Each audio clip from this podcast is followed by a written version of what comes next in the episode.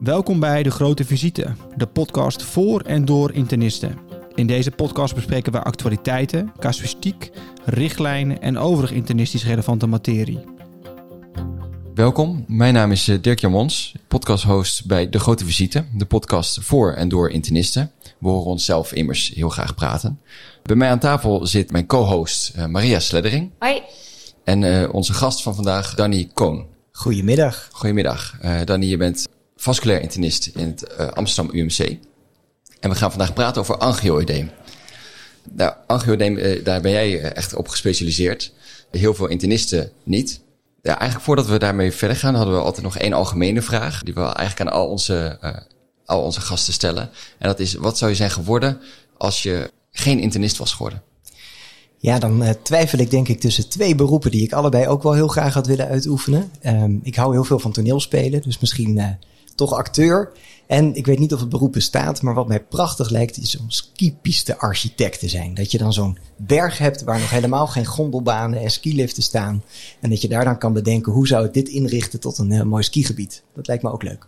Dat uh, klinkt als een, uh, een, wens voor velen, denk ja, ik. Dat ja, dat is een droombaan. Ja, zeker. Nou ja, we gaan het dus vandaag hebben over angioedeem.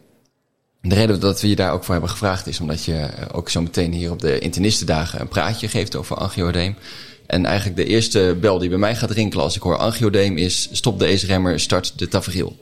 Maar wat is angio eigenlijk, uh, angiodeem eigenlijk? Ja, dus wat je nu al noemt zijn eigenlijk twee hele verschillende vormen van, uh, van angioedeem. Je zegt stop de ACE-remmer, dat is een vorm van angioedeem. En start tafergiel, dat is de behandeling voor weer een hele andere vorm van angioedeem. Ik denk dat het belangrijk is om allereerst te benadrukken dat angioedeem geen ziekte is.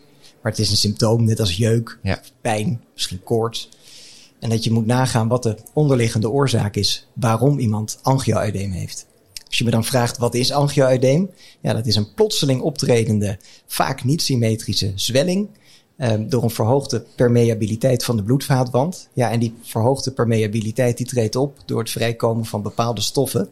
En dat is eigenlijk ook meteen de belangrijkste indeling die we maken als het gaat om uh, het stellen van de diagnose. Je moet je allereerst afvragen, wordt het angioedeem veroorzaakt door stoffen die vrijkomen uit mestcellen, dus mestcelgemedieerd angioedeem, of is het een probleem in uh, de aanmaak of de trage afbraak van bradykinine. He, bijvoorbeeld ACE-remmer geïnduceerd angioedeem, wat je net noemde. Daar is een probleem met de afbraak van bradykinine. En daar heeft dus ook tavegiel als behandeling geen zin, omdat tavegiel een uh, behandeling is voor mestcelgemedieerd angioedeem. Ja, dus meer de, meer de histaminerge vormen. Exact. Ja. De term histaminerg is inmiddels verlaten. Oké. Okay. Volgt binnenkort, en uh, dat zal nog gepubliceerd worden, een nieuwe klassificatie van angioedeem. Maar er zijn patiënten met mestcelgemedieerd angioedeem die geen effect hebben van antihistaminica, maar wel van anti-IgE-therapie. Okay. En daardoor is de nieuwe klassificatie nu mestcelgemedieerd. Dat omvat ook mensen die inderdaad een overmatige histamine-release hebben, maar er komen ook andere stoffen vrij uit mestcellen. Vandaar uh, de wat bredere term nu mestcelgemedieerd angioedeem. Ja, en als we dan kijken naar die twee verschillende, hè, dus de, de en de mestcelgemedieerde angioedeem, zijn dat ook andere presentaties van angioedeem? Ja, dat kan je echt op basis van klinische gronden, kan je die, uh, die diagnose vaak onderscheiden. Uh, mestcelgemedieerd angioedeem ontstaat over het algemeen snel. Soms wel binnen 15 minuten tot het maximum van de zwelling ontstaan is. En het is vaak ook binnen een dag alweer uh, over. Um, kan gepaard gaan met urticaria. En dat geldt allemaal niet voor bradykinine gemedieerd angioedeem. Dat komt veel trager opzetten, kan dagen aanhouden als je het niet behandelt. Er worden nooit urticaria bij gezien. En misschien nog wel belangrijker om te benoemen is dat bradykinine gemedieerd angioedeem over het hele lichaam op kan treden. Dus ook handen, voeten, genitaalgebied, inwendige zwellingen. En dat is heel veel zeldzamer bij um, mestcelgemedieerd angioedeem, wat zich over het algemeen alleen maar uh, manifesteert als zwellingen in het hoofd-halsgebied. Oké, okay. en de mestcelgemedieerde, is het dan, gaat het ook vaak samen dan met anafylaxie en zulke soort? Dat kan, beelden? maar dat hoeft niet. Dus het is ook echt wel een, een, een losse uh, entiteit. Ja. Um, er hoeven ook geen urticaria bij te zijn. Dus sommige mensen hebben puur en alleen mestcelgemedieerd angioedeem zonder urticaria, maar ook zonder anafylaxie. Oké. Okay. En in de kliniek, als we dan dus echt iemand hebben met geïsoleerd angioedeem, dus je hebt geen urticaria, anamnese is dan een beetje zo vaag hè, qua tijd. Soms kunnen mensen dat zich toch niet helemaal goed herinneren. Um, ja, je staat toch op die SCH en dan is er denk ik vaker toch de neiging om stop de ACE-remmer, geef een beetje tafergiel te doen. Maar dat, gaat, dat is natuurlijk niet logisch, dat snappen we allemaal.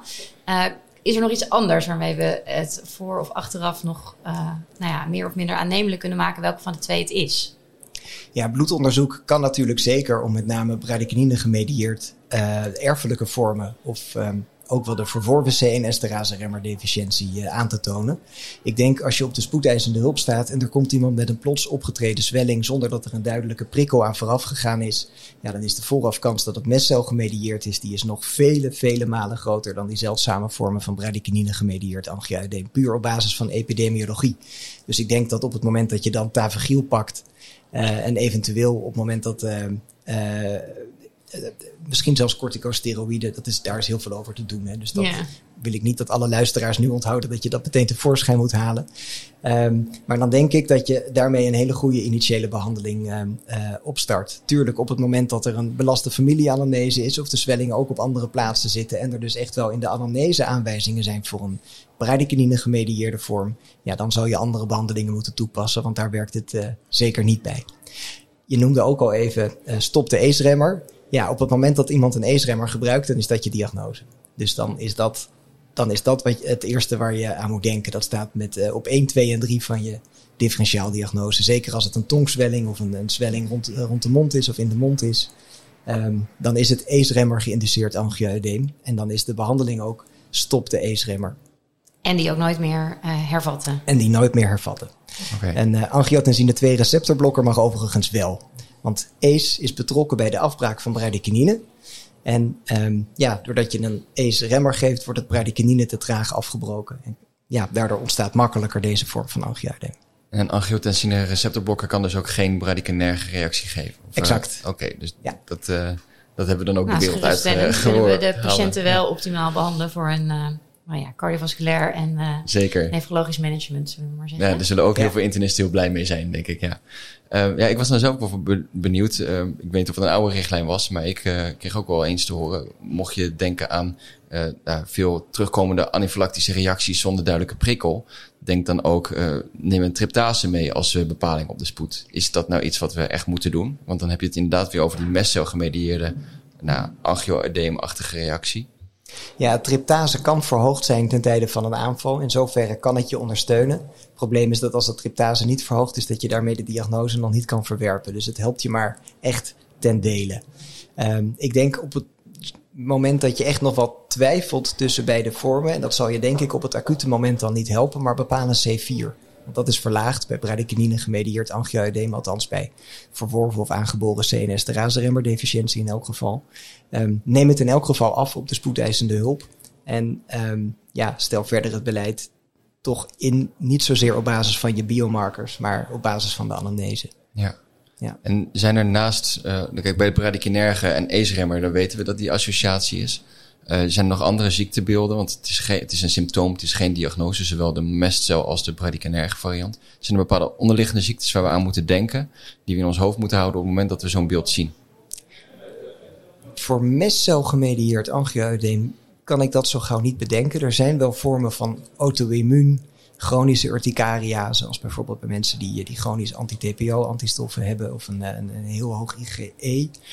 Um, ik denk juist bij um, super zeldzaam verworven C1-esterase-remmer deficiëntie. Dan moet je bedacht zijn op een onderliggende lymfoproliferatieve ziekte um, of eventueel uh, SLE.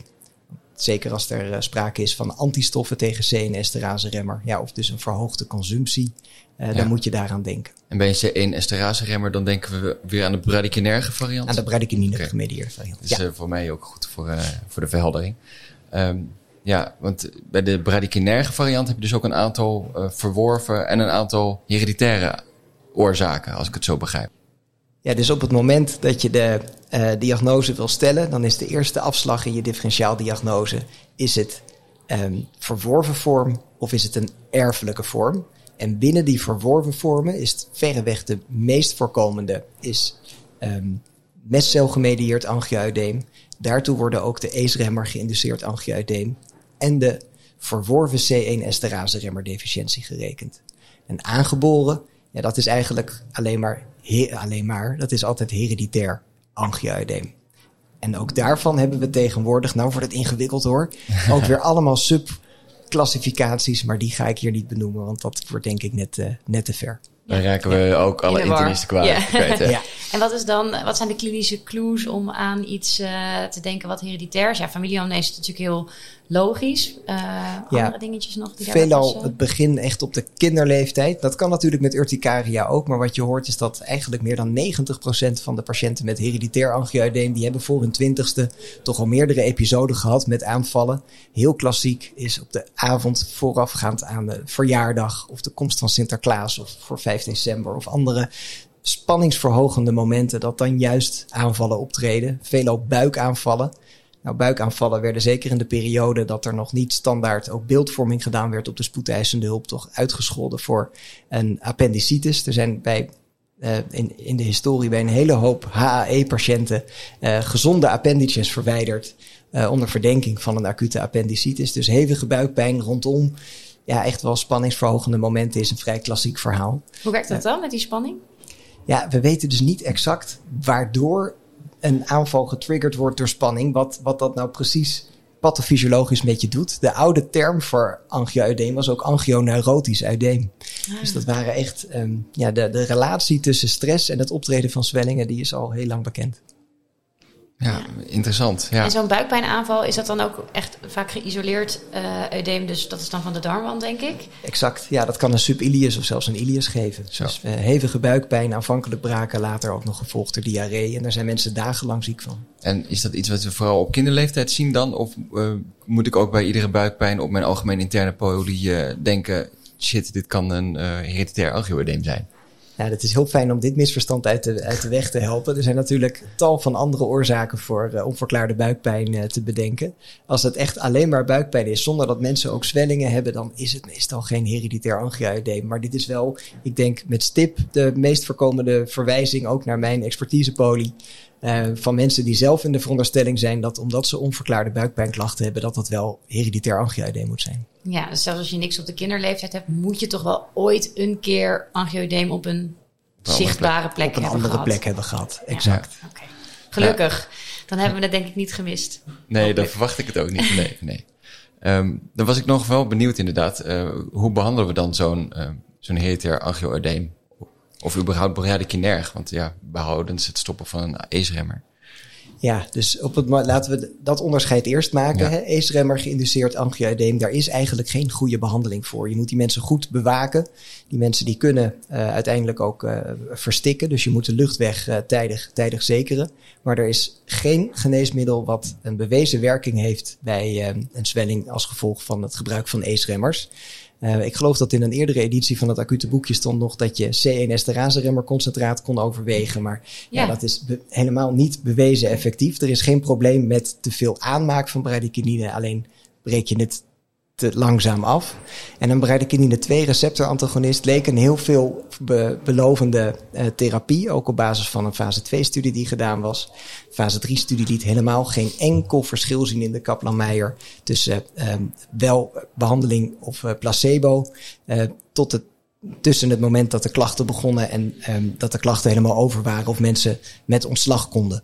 Waarschijnlijk, dat is de theorie, is dit een gevolg van dat het te laat gegeven is. Maar dat is in de dagelijkse praktijk natuurlijk niet zo. Dus uh, voor, ook voor icatiband geldt dat het, uh, dat is een bradykinin 2 receptor antagonist. Dat het niet effectief is bij uh, ACE-remmer geïnduceerd angioedeem. Jammer. En wel voor ja. andere soorten angioedeem of dat ook niet? Ja, dan hebben we uh, dus de andere bradykinine gemedieerde vormen van angioedeem hereditair angioedeem of eventueel een verworven C1-esterase-remmer deficiëntie. Daarvoor is er C1-esterase-remmer concentraat beschikbaar. Um, dat is zowel toe te dienen om aanvallen te voorkomen als om aanvallen te behandelen. En de net genoemde bradykinine 2 receptorantagonist werkt ook heel goed om, uh, om aanvallen te behandelen. Nou, er zijn een hele hoop ontwikkelingen op het gebied van hereditair angioedeem. Um, we hebben net heel succesvol een aantal patiënten behandeld met een oligonucleotide antisenstherapie gericht tegen prekallikrine. Even voor de mensen die daar niet helemaal in thuis zijn. Dan geef je als het ware een complementair messenger RNA. Of een, een, korte uh, streng van uh, uh, nucleotiden. Die bindt aan het messenger RNA. dat codeert voor prekallikrine. En doordat dat aan elkaar gebonden wordt, wordt dat messenger RNA afgebroken. Maak je geen prekallikrine. Dat heb je nodig om angioedeem zwellingen te kunnen maken. Nou, dat leek heel goed te werken. En um, dat heeft ertoe geleid dat we nu net de eerste twee patiënten van de negen wereldwijd die er nu mee behandeld zijn, uh, met CRISPR-Cas-behandeling hebben kunnen behandelen. In vivo CRISPR-Cas. Dat is een uh, therapie waar mensen een eenmalig infuus kregen met als doel om ze te genezen van hereditair angioedeem. En is dat, dus het is ook gelukt om mensen te genezen van hereditair angioedeem? Nog niet alle data zijn openbaar gemaakt. Het eerste cohort van de patiënten die 25 milligram kregen, dat waren de eerste drie patiënten. Die hebben na het allereerste infuus nooit meer een aanval gehad. Zo. Um, onze patiënt heeft 75 milligram gekregen. Dat wordt binnenkort op een congres in, uh, in Amerika gepresenteerd, die data.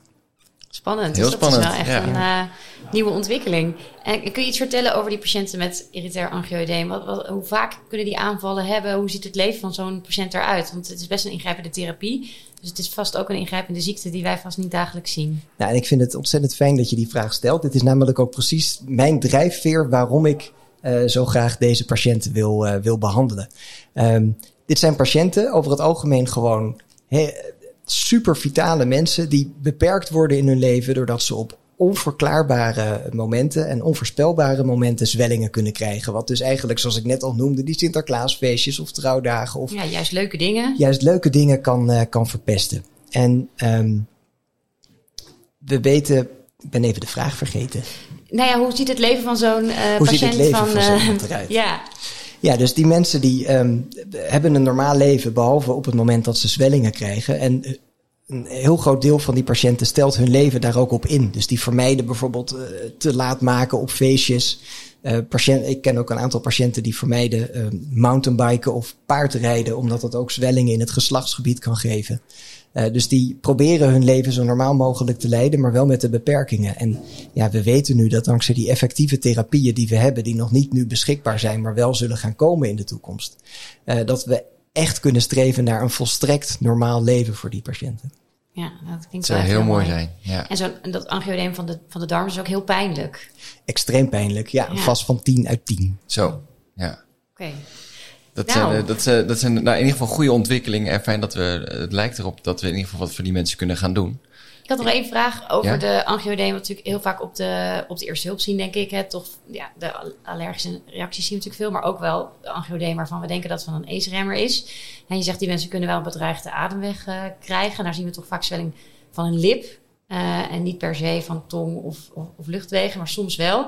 Ehm, en het ontstaat over hè, uren of wat langer. Moet je die mensen dan ook langer observeren? Moet je ze opnemen? Eh, Want je kunt, we kunnen het niet behandelen. We kunnen het niet eh, Nee, voorkomen. exact. Patiënten kunnen zelf heel goed aangeven wanneer het, uh, de ontwikkeling gestopt is. Dus wanneer het niet verder doorzwelt. En dat is ook het moment waarop je, op het moment dat je zelf voldoende vertrouwen hebt dat er nog lucht doorheen komt, dat je een patiënt ook weer, uh, weer kan gaan ontslaan. Maar inderdaad, op het moment dat de zwelling nog niet onder controle is, en dat kunnen patiënten goed aanvoelen, uh, lijkt het me niet verantwoord om een patiënt al te ontslaan. Ja. En ik kan me ook wel herinneren op de spoed dat er redelijk snel gezegd wordt: eh, geef maar een eh, EpiPen mee. Wie van de angioedeem eh, patiënten moeten wij wel en wie moeten wij niet een, eh, een EpiPen meegeven? Ja, alleen mensen met anafylaxie.